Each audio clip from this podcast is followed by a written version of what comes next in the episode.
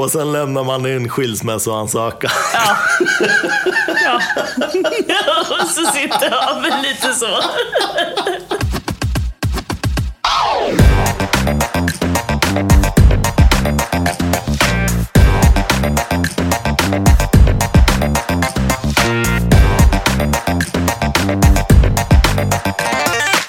Hej allihopa och varmt välkomna till ett nytt avsnitt av Rörsut med mig Hanif Sapsevari. Hörni, det har varit väldigt svårt att släppa ett nytt avsnitt varannan vecka som jag gjorde förut. Det har inte bara varit väldigt mycket jobb utan jag har ju också två små barn här hemma och eh, ja, ni vet ju, livet tuffar på i högsta fart och man har fullt upp att hänga med. Men nu sitter jag här och jag har ett fantastiskt fint avsnitt att bjuda på. Det här avsnittet handlar om någonting som väldigt många av oss verkligen älskar, nämligen champagne. Ja, vi är väldigt många som fullkomligt älskar champagne och det vore ju faktiskt helt omöjligt att ha en vinpodd utan att ägna åtminstone ett avsnitt åt den här drycken. Till min hjälp har jag tagit in en av poddens tidigare gäster och en kär väninna som också är en fantastiskt stor champagneälskare, nämligen Cecilia Oldne. Men innan ni får höra mig och Cecilia prova tre olika champagnesorter ska vi faktiskt ha en liten snabbkurs i ämnet. Okej. För vad är champagne egentligen? Ja, vi måste gå ända tillbaka till slutet av 1600-talet och ett distrikt i norra Frankrike som kallas, hör och häpna, champagne. Det finns belägg för att man framställde mousserande vin tidigare än champagne i andra områden. Men den historien är ämne för ett helt eget avsnitt. Och om vi ska hålla oss till champagne så är distriktet optimalt både när det gäller klimat och jordmån. Det svala klimatet som gör att druvorna knappt mognar i kombination med jordmånen som innehåller höga halter av krita bidrar till att man får ett friskt vin med hög syrahalt som i smaken har en väldigt unik mineralkaraktär. I Champagne finns i dagsläget 17 Grand Cru-byar och 44 Premier Cru-byar. Distriktet är indelat i fem områden. Montagne de Reims, Vallée de la Marne, Côte de Blanc, Côte de Cézanne och Côte de Berre. När det gäller själva framställningen av champagne så är det framförallt tre druvsorter som man bör känna till. Det är den gröna druvan Chardonnay och de två blå druvorna Pinot Noir och Pinot Meunier. Champagne framställs i enlighet med vad som kallas för champagnemetoden, eller som på franska kallas méthode champenoise eller méthode traditionnelle. Vissa kallar den även för méthode classique, den klassiska metoden. I princip går den här metoden ut på att man först låter druvmusten jäsa en gång på fat och därefter på flaska. Den andra jäsningen ger ett naturligt kolsyrat vin. Och man skulle gott och väl kunna stanna här genom att bara ha nämnt champagnemetoden. Men det är trots allt en vinpodd, så låt oss grotta ner oss lite till.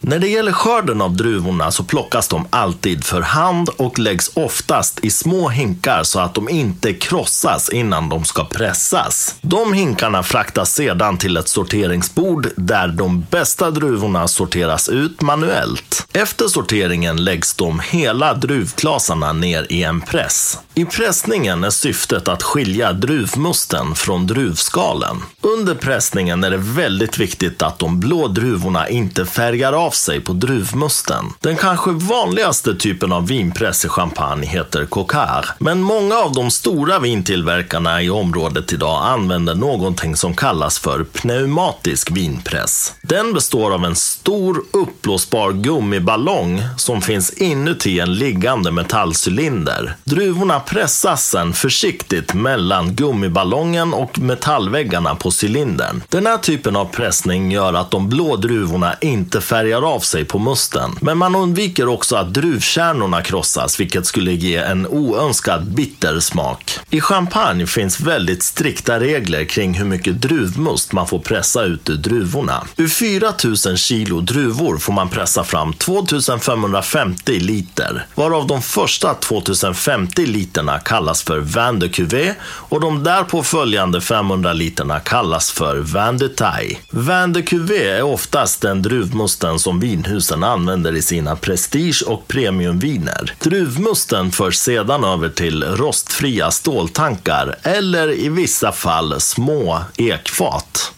Där får vinet vila så att sedimenten sjunker till botten, varpå man når fram till den process som på franska kallas för debourbage, när man avlägsnar sedimenten från druvmusten.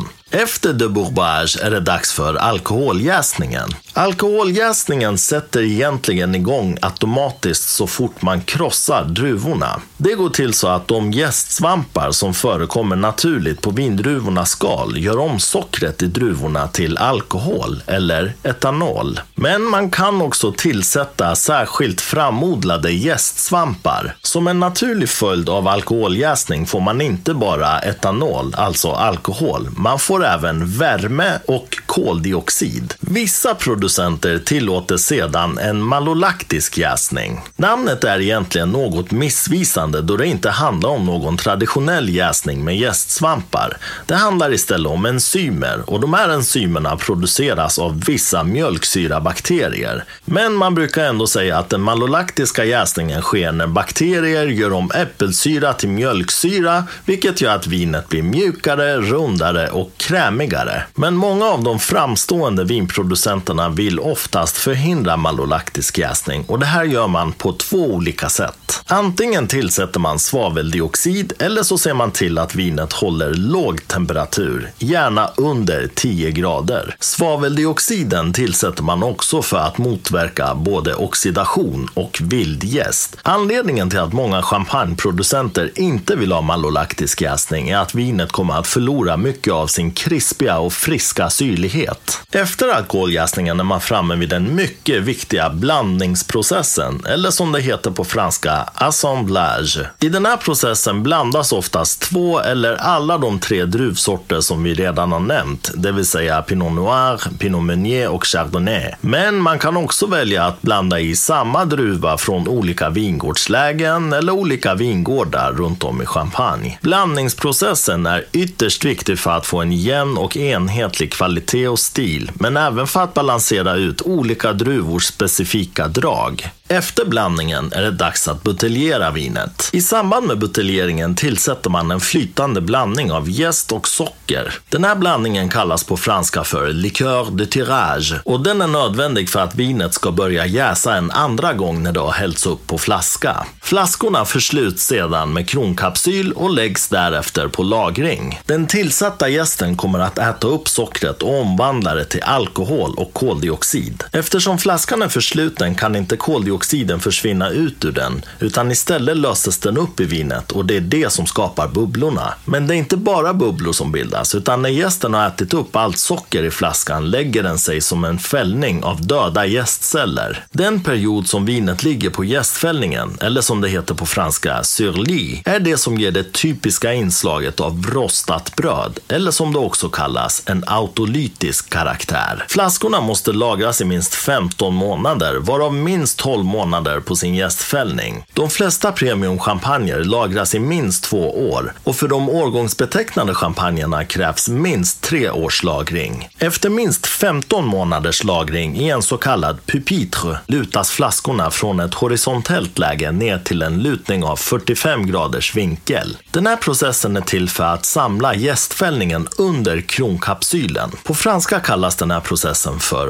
remuage. Ordet kommer från en tid då det vid varje varje champagnehus fanns en person, en så kallad remuör, som gick omkring varje dag och vred flaskorna en åttondel av ett varv. Flaskorna vrids så att de till slut står rakt upp och ner, helt vertikalt och gästfällningen vilar mot kronkapsylen. Idag har många champagnehus ersatt det manuella arbetet med att vrida flaskor med maskiner. Och när gästfällningen slutligen har samlats under kronkapsylen är det dags för den procedur som på franska kallas för degorgement. Den proceduren går helt enkelt på att avlägsna gästfällningen från flaskan. Det gör man genom att doppa flaskhalsen i en kylvätska som är minus 28 grader. Fällningen fryser då till till is varpå man ställer upp flaskan, tar bort kronkapsylen och tack vare det övertryck som har bildats inuti flaskan flyger fällningen ut. En del vin flyger också ut, men det fyller man bara på med nytt vin. Beroende på vilken söthetsgrad man vill ha på champagnen fyller man även på med socker. Det momentet kallas för dosage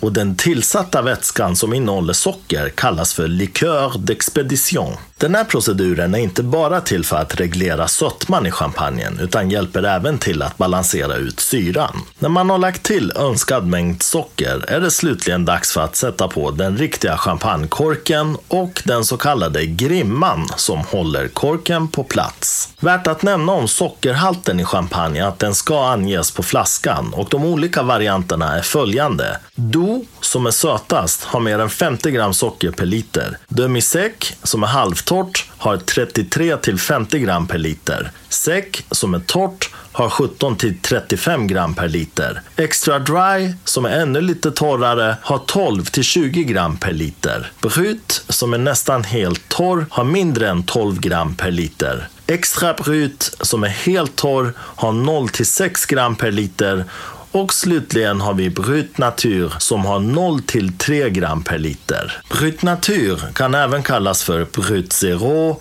Brut 100%, Brut Integral, Brut Sauvage, Sans Sucre, Ultra Brut eller Non Dosage och då är det alltså inget tillsatt socker. De flesta champagner är inte årgångsbetecknade och då kallas de för årgångslös champagne eller non-vintage. De kallas även för standardkuvéer. Alla champagneproducenter har standardkuvéer och de är oftast en blandning av viner från flera olika årgångar och olika vingårdslägen, vilket gör att vinet kan hålla samma karaktär från år till år. När skörden håller särskilt hög kvalitet produceras årgångsbetecknad champagne, som även kallas för vintage eller millésime på franska. 20% av basvinet i en årgångschampagne måste sparas för nästa års blandningar och vinet måste lagras minst tre år på sin gästfällning. Många champagnehus framställer vad de kallar för prestigekuvéer som är gjorda av viner från de bästa årgångarna. Druvorna i prestigekuvéerna har växt på antingen Grand Cru-lägen eller på mark som ägs av champagnehusen själva. Vidare finns Blanc de Blanc som är en champagnesort där bara druvan Chardonnay används Blanc de Noir som tillverkas av enbart de blå druvsorterna och även Rosé Champagne som tillverkas antingen genom att de blå skalen får macerera med musten en kort tid innan de pressas eller genom att en mindre mängd stilla rött vin tillsätts före den andra alkoholjäsningen på flaska. Slutligen kan det vara värt att nämna de bokstavskombinationer som finns på etiketterna på champagneflaskor. Genom dem kan man tyda vilken typ av producent som har producerat vinet. De bokstavskombinationer som finns är följande. NM som står för Negociant Manipulant betyder att vinet tillverkas av något av de stora champagnehusen, firmorna eller negocianterna. RM som står för Recoltant Manipulant. Det betyder att en odlare gör sitt eget vin av sina egna druvor. CM som betyder Cooperative Manipulant betyder att champagnen är tillverkat av ett kooperativ.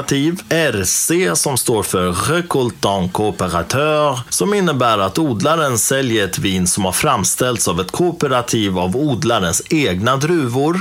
SR som står för Société de Recoltant betyder att det är ett mindre familjeföretag med två eller flera odlare som säljer sin champagne under olika märken. ND som står för Negociant Distributeur som betyder att ett företag säljer en champagne till olika återförsäljare som företaget själv inte har producerat. Och slutligen MA som står för Marc d'Acheteur som betyder att köparen, såsom ett företag eller en organisation, sätter sin egen etikett på champagneflaskan. Och med den snabba och väldigt ytliga genomgången har vi nu kommit fram till min och Cecilia Oldnes provning av tre olika champagnesorter. Ja, då sitter vi här igen med dig Cecilia. Du börjar också kvalificera dig till en hedersgäst på den här podden. Oh, trevligt, det är så eh, kul att vara här med dig på en fredagkväll och eh, göra det vi nu ska göra. Ja, göra det vi är bäst på. Exakt. Nämligen Sörpla Champagne. Det är inte fel. Nej, jag klagar inte. Det här var ju spännande. Jag hade ju lite mm, funderingar över hur jag skulle göra när jag valde ut de här flaskorna. Du hade ju nämligen ett krav. Vad var det? Champagne. Ja. jo, men du hade ett till krav. Då var det att jag åtminstone ville ha en som var en Blanc de Blanc, för det är lite av min favoritchampagne. Just det. Men kan du berätta mer om det? Hur kommer det sig att det är så? Alltså först och främst så är ju champagne en av mina favoritdrycker. Och eh, det betyder att jag har druckit en hel del. Eh, Och då har jag lärt mig, eh, vad det gäller min doft och smak och det som jag tycker bäst om, det är liksom de som är lite mer eleganta. Och Blanc de Blanc är en champagne som är eh, oftast lite elegantare än de, de som har de här röda druvorna. Så vi kanske ska prata mer om senare om man ska gå in i detalj vad champagne är och vilka druvor som man får ha i champagne. Men Blanc de Blanc som är gjord på Chardonnay eh, är oftast elegant, eh, Eh, kvinnlig, eh, sexig. Eh, ja, det är min typ av champagne. Men vi ska ju prova andra champagne idag så jag kan ju bli omställd. Absolut. Till saken hör ju att jag är ju mer Blanc de Noir-kille då. Nu sitter ju folk och undrar, vad är det som har hänt? Rödtjut, ska han verkligen börja testa något som inte är rött? Men i och med att det faktiskt är röda druvor i champagne så tycker jag att det kvalificerar. Det finns ju två vita drycker som kvalificerar in till rödtjut. Det är champagne och det är Riesling. Just det. Ja, eh, kom lite hastigt och lustigt nu. Men eh, det är de två vita drycker som jag tycker kan få kvalificera in i podden. Eh, med risk för att det byggs ut med ännu fler så småningom. Ja, jag vill dock minnas att vi drack något vitt vin när vi provade vin från Indien. Ja, ja, men då var det ju tema. Ja. Och då, det, var ju så pass spännande att få testa indiskt vin så att det var ju bara allmänt underbart Ja. att få smaka. Absolut, Så champagne, Riesling och Indien. typ. Låter bra. Du förstår ju logiken i det här. Just det, just det. Ja. Mm. Tror jag de som lyssnar också gör. Ja, eh, om någon hittar någon eh, form av logisk tråd i det här så får ni gärna höra av er. Eh, Blanc de Blanc är ju också faktiskt mycket mer lagringspotentiellt, säger man så. Det, det, generellt sett så håller de bättre för lagring. De håller fantastiskt bra för lagring. De blir bara bättre och bättre med åren. Eh, Pinot Noir är den andra druvan som man i, i champagne eh, säger är mer lagringsbar. Den som inte lagras lika bra, det är Pinot Meunier. Så är det. Men du, eh, jag tänker så här. Ska vi inte bara slänga oss över första flarran här? Absolut, och jag vet du har valt eh, eh, åtminstone tre, det kan bli mer. Det kan bli fler. Jag har med mig ett gäng. Men eh, tre har vi enats om att vi ska testa i alla fall. Ja, minst. Och en är Blanc de Blanc. Då börjar vi med Blanc de Blanc, för Ja. den är förmodligen den som är ja, lite åtminstone lättare på paletten. Okej, vi gör så. Då ska vi ta och öppna... Då ska vi ta och öppna. ja, det ska vi göra. Ja. Då kör vi tänkte jag Ja, säga. Då då ska vi ta och öppna. Ja. Nu ska vi dricka Nicolas Feuillatte. Så ja. Då kan jag berätta att Nicolas Feuillatte Blanc de Blanc Collection Vintage 2014 heter den här. Och den har artikelnummer 7592 på Systembolaget. Kostar 359 kronor för de som vill testa. Och det är alltså helt enkelt en Blanc de Blanc, alltså 100% Chardonnay. Trevlig, trevlig flaska, Ja, det är det. tycker jag. Ser väldigt eh, fransk ut på något vis. Mm, kan jag hålla med. Ja. Väldigt blek. Blekgul, Mm. Ja. nästan vitgul. Man eh, kan ju kanske gissa sig till när man tittar redan på färgen att det är en Chardonnay och den är ganska ung skulle jag ändå vilja säga. Den har väl, vad är den då? Den är väl sju år på nacken men 2014. Fina små bubblor. Ja, det är det. Oj, Blommig citrus. den har ju också den här eh, lite unkna, så här sköna, gästiga... Bröd, det är lite sådär lite bakat eh, tunnbröd. Känner jag. Vi var på och bakade tunnbröd i Norrland här i somras. Så att, Ja. eh, jag drar association just till det här vita tunnbrödet. Ja, absolut. Och så har den ju en hel del gul frukt liksom. Om man tänker ananas och lite så här tropiska. Mm, ja, men absolut. Eh, den har även äpplen i sig. Mm, det har den. Så gula äpplen. Ja, exakt. Ja. Verkligen. Jag skulle precis säga det. Ja. De som nästan inte är sådär goda att tugga på, för de är lite mjöliga nästan. Ja, exakt. Men de, exakt. de doftar ju gott. Ja. Det gör ju även det ja, här. och skalen framförallt. Det är så mycket gula Mm. äppelskal. Ja, men exakt. Nästan som om de har legat framme ett tag, du vet. Ja, exakt. Man har nästan glömt bort dem. ja. ja, men spännande. Väldigt härlig doft. Ja, det tycker jag. Ja. Inbjudande. Ja, där vill man ju bara halsa rakt upp och ner, höll jag på att säga. Botten upp då. Båda!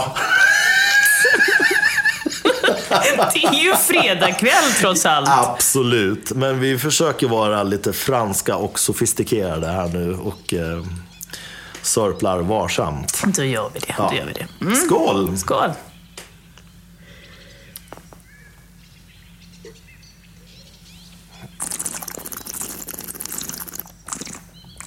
Härlig mousse. Verkligen. Och den liksom triggar igång eh, smaklökarna. Man känner det liksom. Det saftas. Man är nästan sugen på att äta någonting friterat. Ja, varför inte? Eller kanske anklever. Åh, säg inte så. Ja. Anklever hade ju varit fantastiskt. Var får man tag i det på fredagskvällen här? Bra fråga. B- Vad balanserad den är också. Den är så skön. Den är så extremt så harmonisk. Du vet, vissa liksom, väldigt unga champagner kan vara väldigt så här, spretiga och du vet, de har inte lagt sig riktigt. Här är det ju verkligen harmoni. Ja, men jag håller med. Den är, den är fin. Ja. Eh, den sticker inte ut på något sätt sådär eh, heller. Så det här är ju Nej. egentligen champagne som jag skulle säga om man serverar till ett sällskap man inte vet vem som gillar vad. Så Mm. den är ju eh, väldigt eh, ja, bekväm. Det är, det är en eh, trevlig eh, champagne. Som jag tror att det är svårt att inte tycka om den. Exakt. Så här, insteg plus, om man säger så. så här, om man vill testa en Blanc de Blanc, jättebra att börja med den här.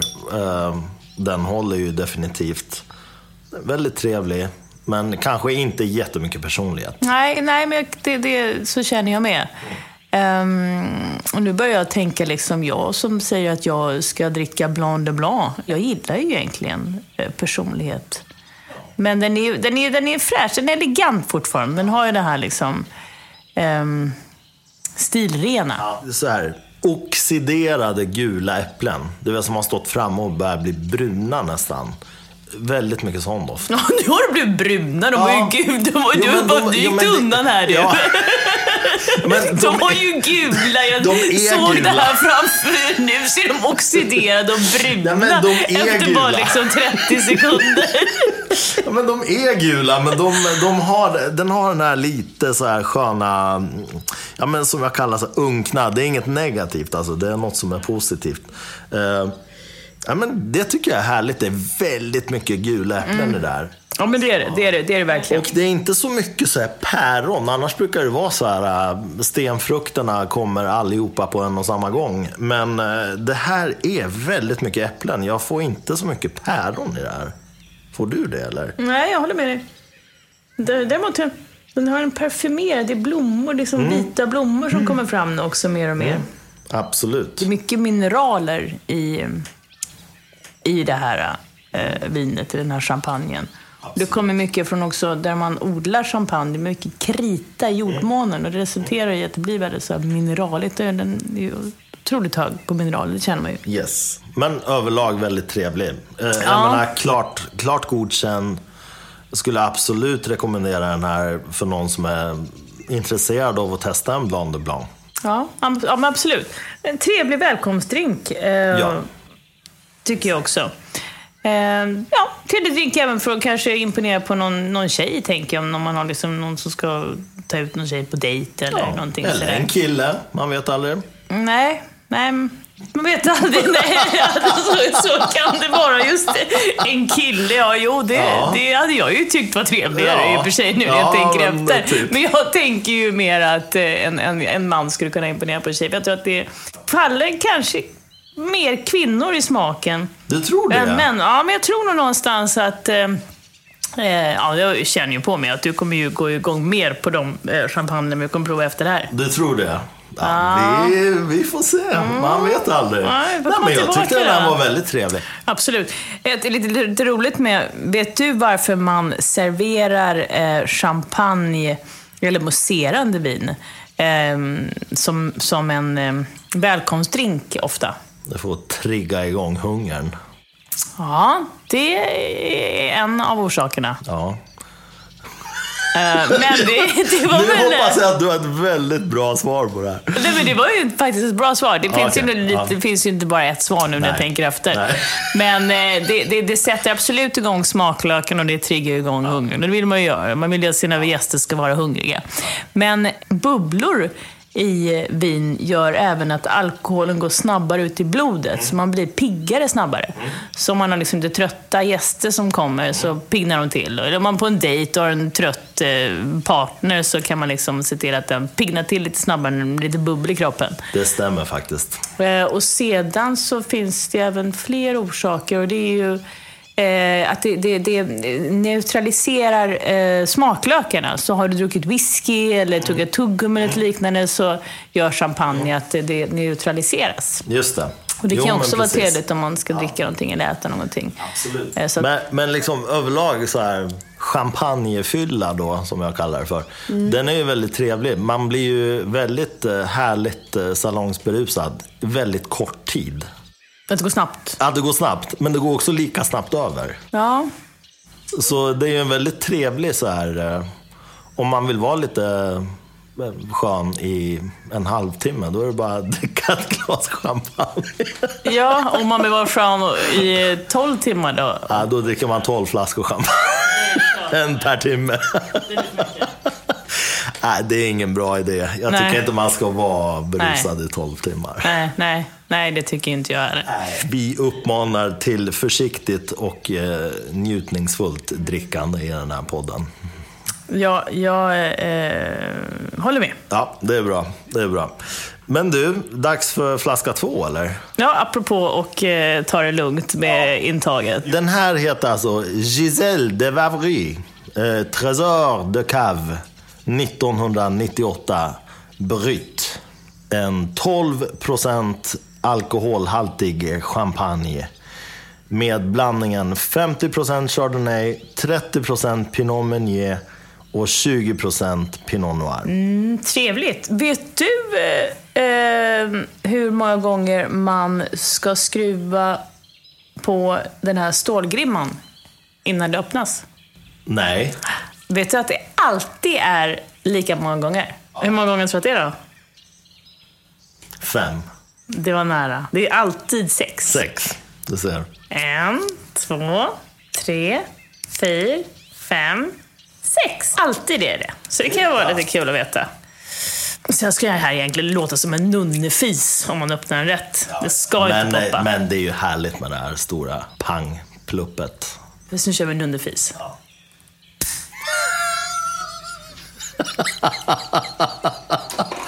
Jag har alltid undrat hur det låter när nunnor fisar. Mm, nu vet du. Nu vet jag. Och som sagt, man ska alltid tilta glaset för att rädda bubblorna. Och apropå glas då, kan jag meddela att eh, vi testar de här tre champagnesorterna i Orrefors Difference Crisp. 45 centiliter. Jag personligen anser att det är by far det absolut bästa glaset att dricka champagne i. Jag tycker man ska Sluta dricka champagne i såna här löjliga flöjtglas. Helt meningslöst. Ser kanske jättekul ut, men vill man känna doft och smak, då ska man dricka i en Difference Crisp. Och jag instämmer. Ja, Skål för det. skål för det. Ska vi eh, berätta lite vad vi ser då? Ja, det här är ju helt klart eh, en champagne som har ja, mer eh, färgstark utseende. Om det är det man säger. Den är mörkare, absolut. Mm, den är mörkare. Den är, väldigt, den är mer guld, skulle jag säga. Den, mm, Guldfärgad. Ja. Vacker färg. Man ser att den har några, eh, ytterligare några år på nacken. Sen kan man även gissa sig, ja, det här, nej det är nog inte en Blanc de Blanc, utan man förstår att hon har nog lite druvor som har mer färg i sig. Och både Pinot Noir och Pinot Meunier är ju, det är ju röda druvor, så det gör ju att det också kan komma lite färg från, från skalen. Och hur kommer det sig att man klämmer röda druvor in i en vit dryck och det inte blir rött? Jo, man klämmer dem väldigt varsamt. Om man handplockar druvorna så man ser till så att de inte skadas. Ja, ska vi dofta lite då? Ja, det tycker jag. Oj. Oj, oj, oj, här händer det grejer. Här var det ju en väldigt unken källare dök jag ner i. Det är ännu mer oxiderade äpplen här. Men härlig, liksom lite knäckig doft. Ja, absolut. Man känner ju också att den här legat länge. Den har ju fått ja. de här rostade tonerna. Slänger du en massa gula äpplen i komposten och så låter det ligga ett par dagar. Alltså. Det, det kommer lukta så här. Mm. Och det låter ju kanske avskyvärt för de flesta, men det kommer ju med att eh, saker och ting får ligga ett par år. Mognad. Ja. Eh, och en trevlig eh, sådan, skulle ja. jag vilja säga. Man vill bara dricka det. Man vill liksom inte sitta här och nosa längre. Man, man vill, man, nu får jag nog. Ja, nu, jag med. Vi Skål. kör. Skål.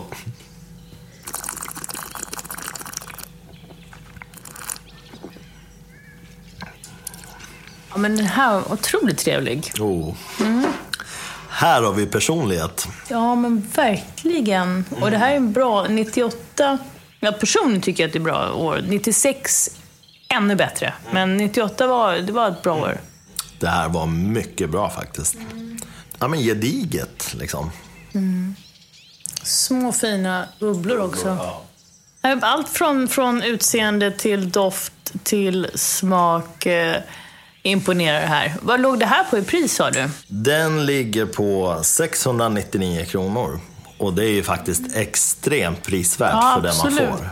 Det här kan nog bli lite av ett... Eh, en huschampagne. exakt. Ja, ja, men faktiskt, jag håller med mm. dig. Det, det, här kan jag tänka mig dricka många fler gånger. Jag gillar ju också att det, det, ser bra ut på flaskan. Jag tycker att den här etiketten, den är ju tio gånger bättre än Nicolas Fet. Det är lite mer prestigekänsla. Det är lite mer exklusivt och, och ja, men det är vackert. Det är väldigt inbjudande. Det känns nästan liksom royal i ja, sitt, eh, exakt. sitt utseende. Extremt trevligt. Så här, inte jättemycket frukt kanske får man fram här, men det som kommer är ju så gediget. Det är så mäktigt. Alltså, ja, det, här får man respekt. Liksom. Ja, det, det, det, det är det verkligen. Nej, det är, frukten är ju de här äpplena som, som återkommer här. Det är ju citrus också. Det har vi ju på eh, tungan om man säger så. Smaken är ju citrus, eh, ja. äpplen. Väldigt trevligt. Det här var väldigt gott. Mm, lite honung känner jag också. Ja, det har du rätt i. Det är i doften också känner mm. jag. Lång eftersmak.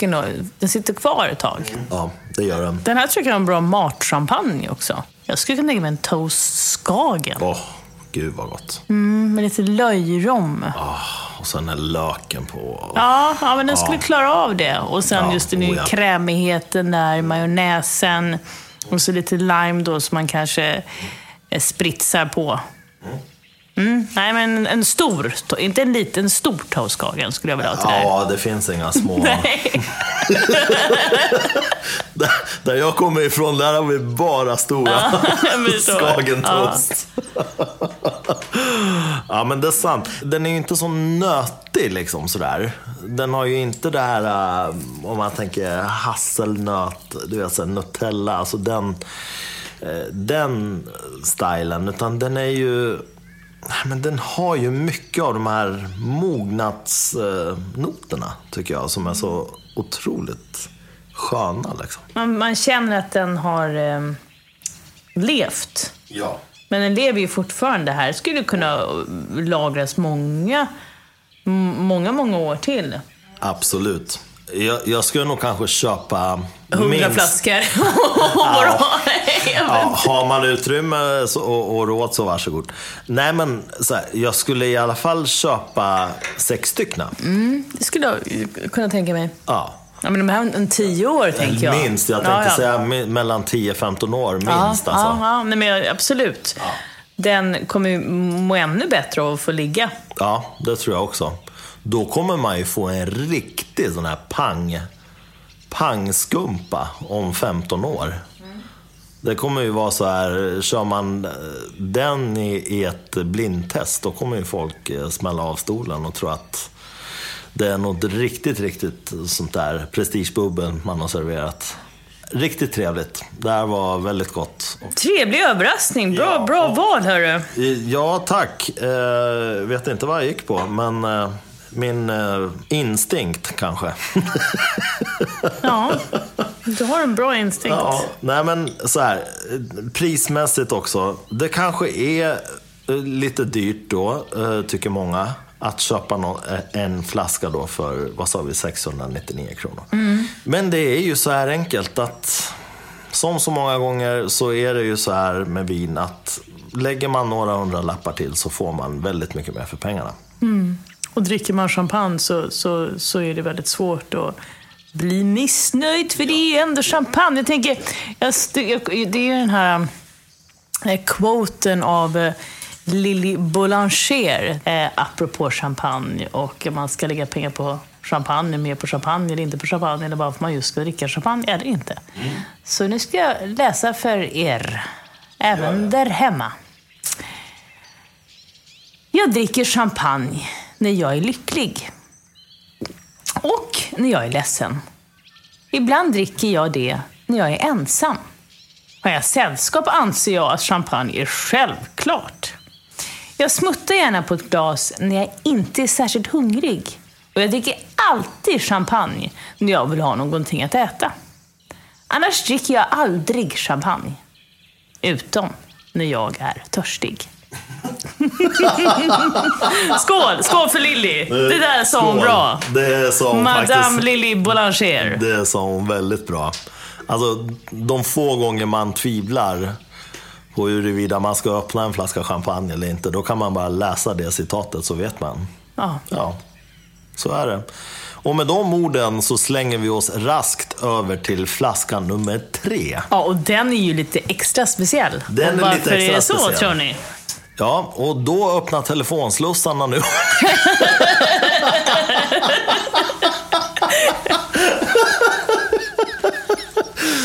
Och då kan ni börja ringa in på... Nej, nej. men det, det är så här att den tredje flaskan är av årgång 1981 och det råkar sammanfalla med mitt födelseår.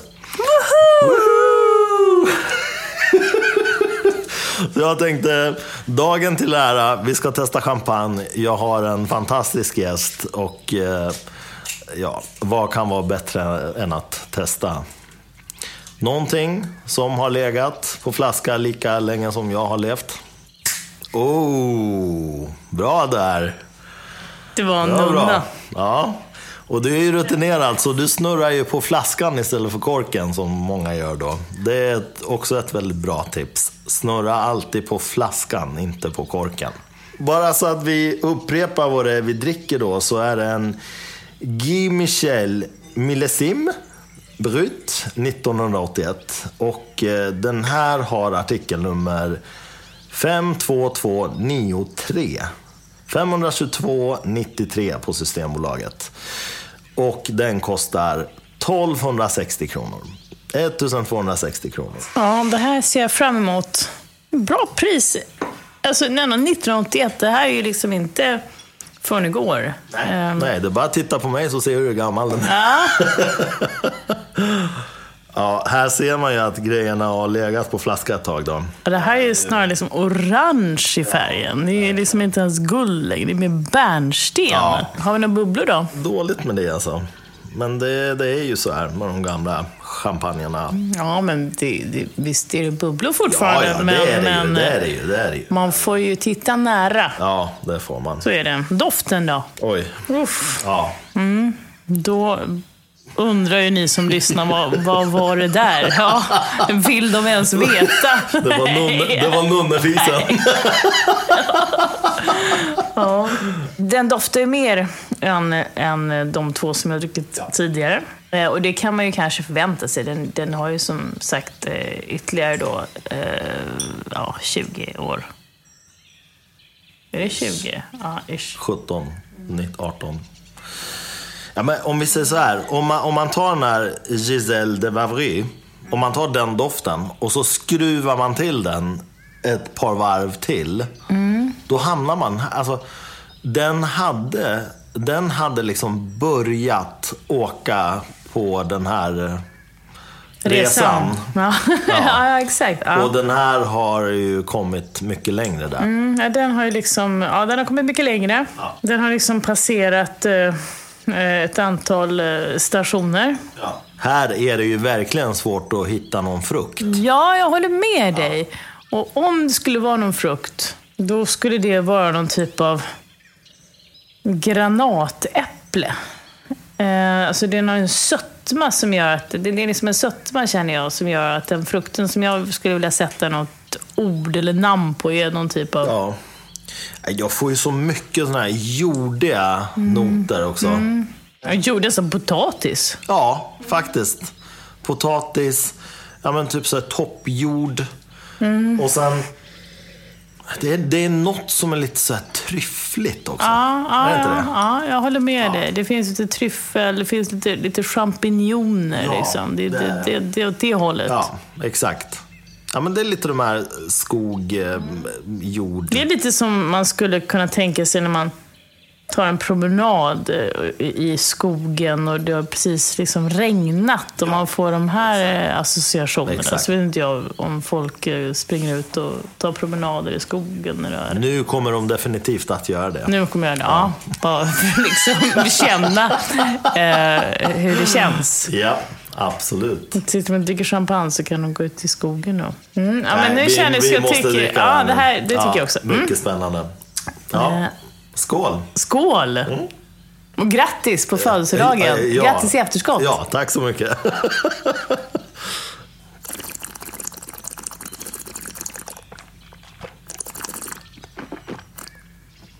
Bubblorna är ju liksom små.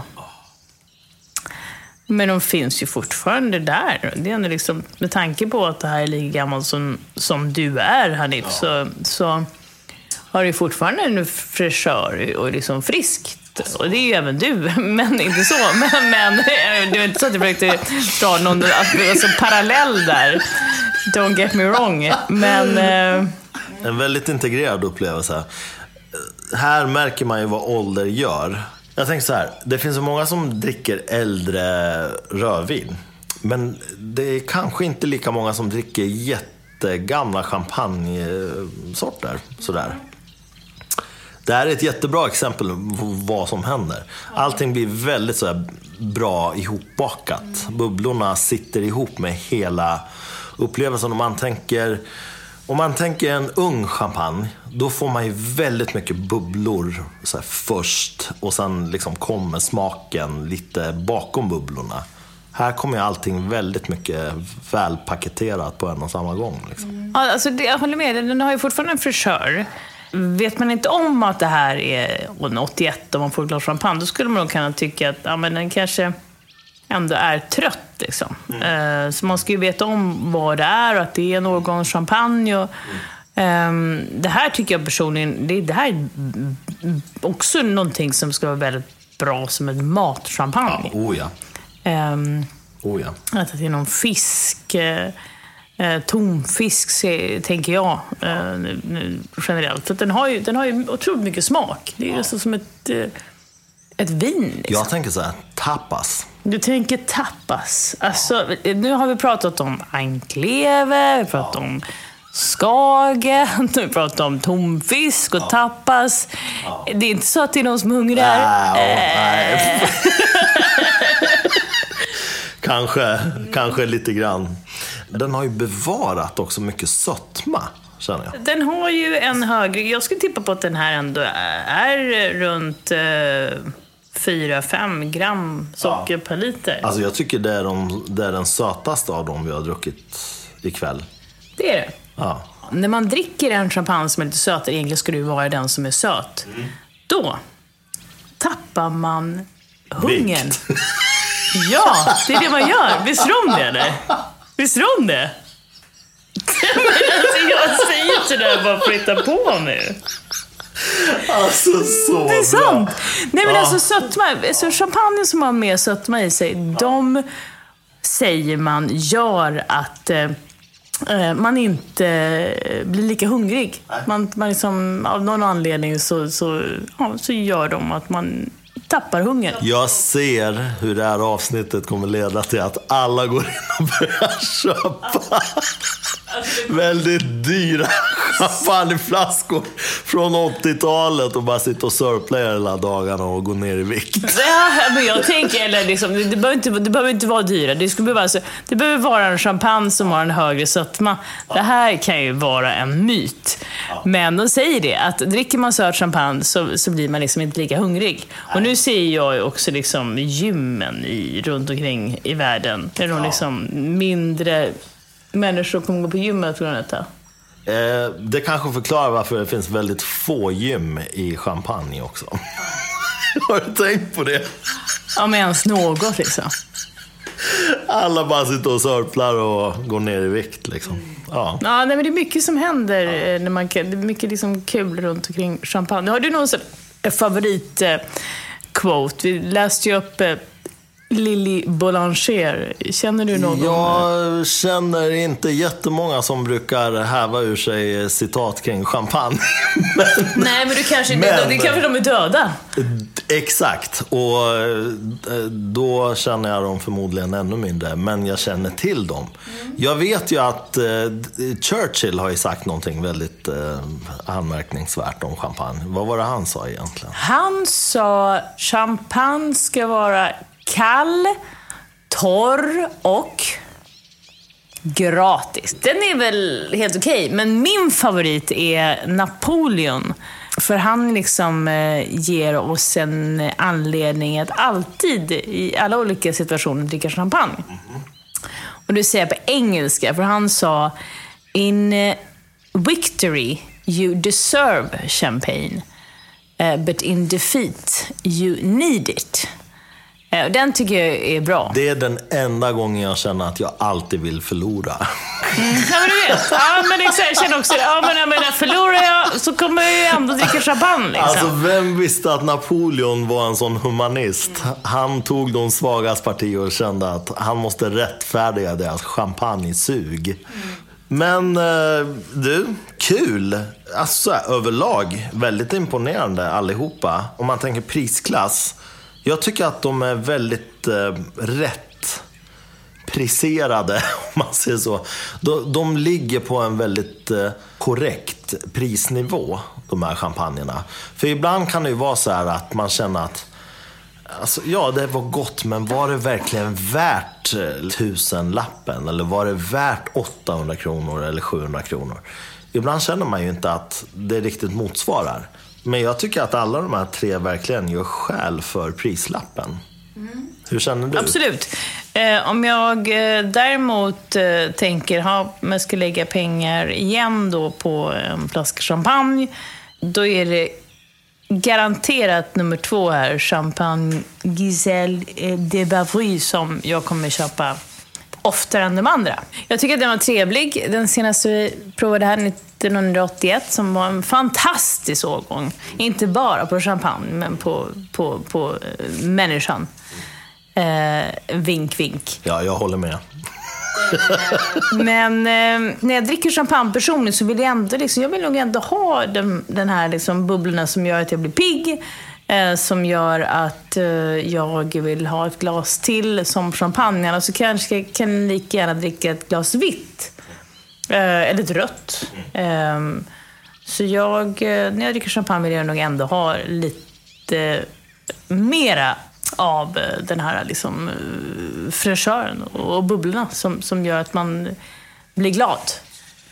Och det Ja. kan jag ju sakna lite i en, i en flaska som är 40 år gammal. Jag eh, kunde inte ha sagt det bättre själv faktiskt. Om man försöker tänka bort från champagne nu då och tänker kanske, ja, det vi brukar prata om i den här podden, nämligen rödvin. Då beror det ju såklart väldigt mycket på stil och område och lite sådana saker. Men om man liksom bortser från Bordeaux, för att det är liksom en väldigt speciell region där kvalitetsvinerna håller hur länge som helst och de blir faktiskt väldigt mycket bättre med åldern. Eh, så finns det oftast en sån här, tycker jag då personligen, eh, tumregel att plocka dem lite grann så här, innan de har börjat tippa för mycket ut i den här eh, pensionsåldern, så att säga. För då får man ändå en del fräschör, man får en del frukt, man får den här piggan. Något som påminner om det, det här vinet när det buteljerades. Mm. Och någonstans ska jag tycka lite samma sak eh, nu med champagne. Jag håller helt och hållet med dig. Jag, jag tycker den här eh, Giselle de Vavry var fantastisk. Jag skulle personligen inte lagra den så länge till.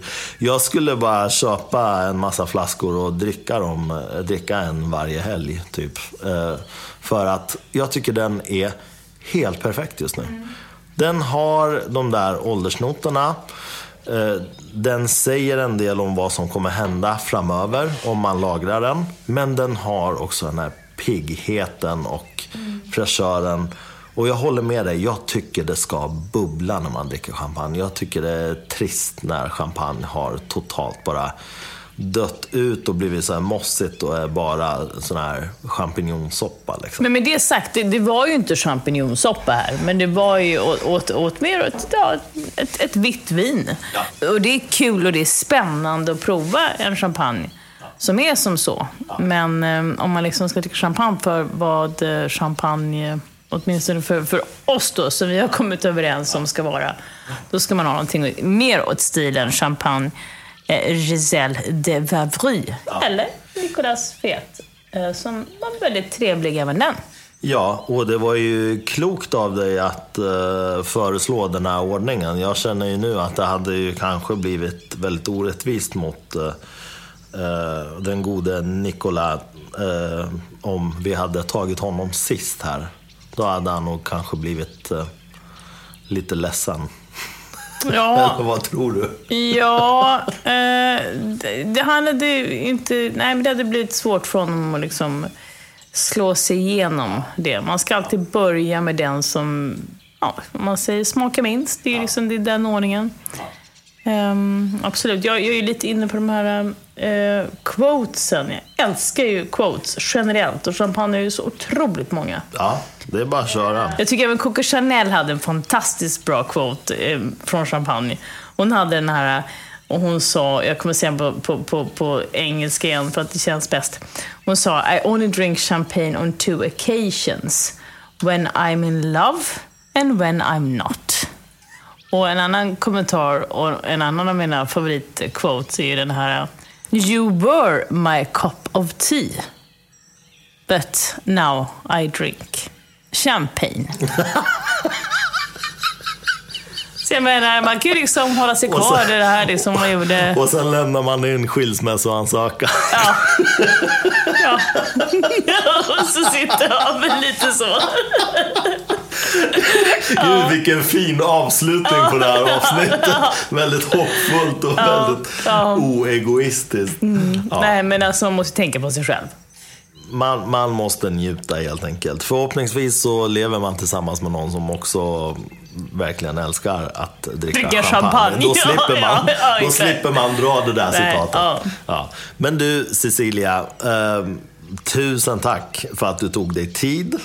Så himla trevligt. Det här blev ju ett lite mer så här cozy, skönt avsnitt som inte var så otroligt så här uppstyrt och eh, stelt. Eh, kanske inte superstelt i vanliga fall heller.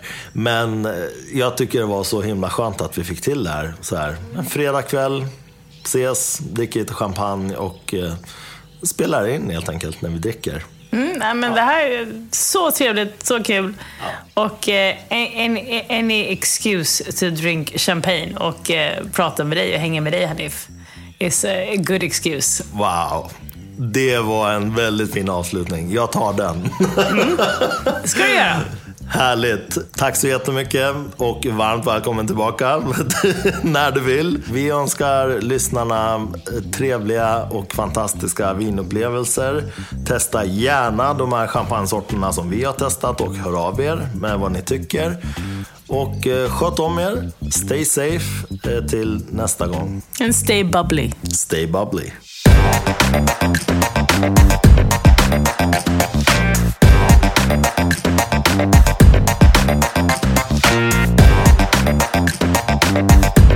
back.